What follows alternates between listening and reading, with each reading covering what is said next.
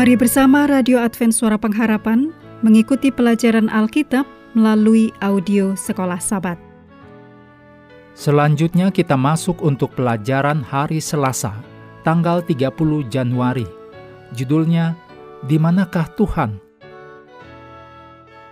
Mari kita mulai dengan doa singkat yang didasarkan dari 2 Tawarikh 20 ayat 21. Nyanyikanlah nyanyian syukur bagi Tuhan, bahwasanya untuk selama-lamanya kasih setianya. Amin.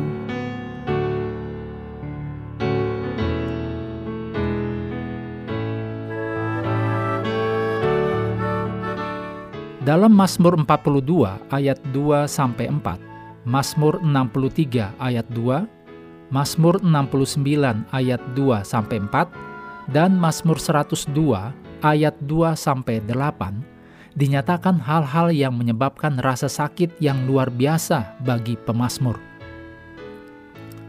Tidak hanya penderitaan pribadi dan umum yang menyusahkan pemazmur, tetapi juga Tuhan tampaknya kurang perhatian terhadap kesulitan hambanya.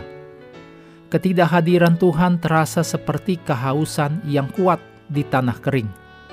Ditulis dalam Mazmur 42 ayat 2 sampai 4 dan Mazmur 63 ayat 2 dan kesedihan fana di Mazmur 102 ayat 3 sampai 5. Pemazmur merasa dihilangkan dari Tuhan dan membandingkan dirinya dengan burung-burung yang kesepian.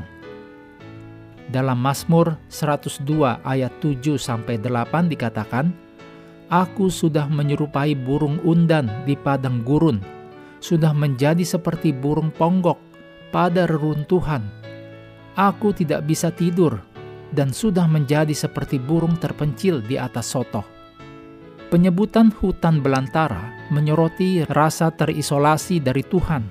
Seekor burung terpencil di atas sotoh, artinya berada di luar sarangnya, yang adalah tempat peristirahatannya. Pemasmur menangis kepada Tuhan, rawa yang dalam seolah-olah diliputi oleh air yang sangat banyak dan tenggelam ke dalam air yang dalam. Ditulis dalam Mazmur 69 ayat 2 sampai 4 dan Mazmur 130 ayat 1. Hal-hal ini menggambarkan situasi yang menindas di mana tidak ada jalan keluar kecuali dengan campur tangan ilahi. Dalam Mazmur 10 ayat 12, Mazmur 22 ayat 2, Mazmur 27 ayat 9 dan Mazmur 39 ayat 13 dijabarkan bagaimana pemazmur menanggapi ketidakhadiran Tuhan. Sungguh luar biasa bahwa para pemazmur memutuskan untuk tidak diam dalam menghadapi keheningan Tuhan. Para pemazmur dengan tegas percaya pada doa, karena doa diarahkan kepada Tuhan yang hidup dan berkemurahan. Tuhan masih ada di sana, bahkan ketika Tuhan tampaknya tidak ada. Tuhan masih merupakan Tuhan yang sama yang mendengar mereka di masa lalu, dan mereka yakin Tuhan mendengar mereka sekarang. Momen berdiamnya Tuhan membuat para pemazmur memeriksa diri mereka sendiri dan mencari Tuhan dengan pengakuan dan permohonan yang rendah hati mereka tahu bahwa Tuhan tidak akan tetap diam selamanya. Mazmur ini menunjukkan bahwa komunikasi dengan Tuhan harus terus berlanjut, terlepas dari situasi kehidupan.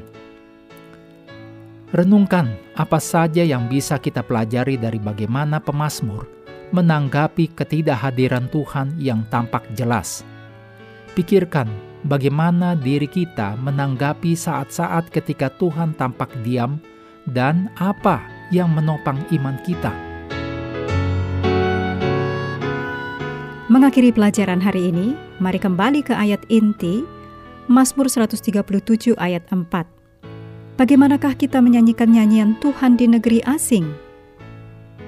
Kami terus mendorong Anda bersekutu dengan Tuhan setiap hari, bersama dengan seluruh anggota keluarga, baik melalui renungan harian, pelajaran sekolah sahabat, dan bacaan Alkitab sedunia, percayalah kepada nabi-nabinya, yang untuk hari ini melanjutkan dari Yeremia pasal 2. Tuhan memberkati kita semua.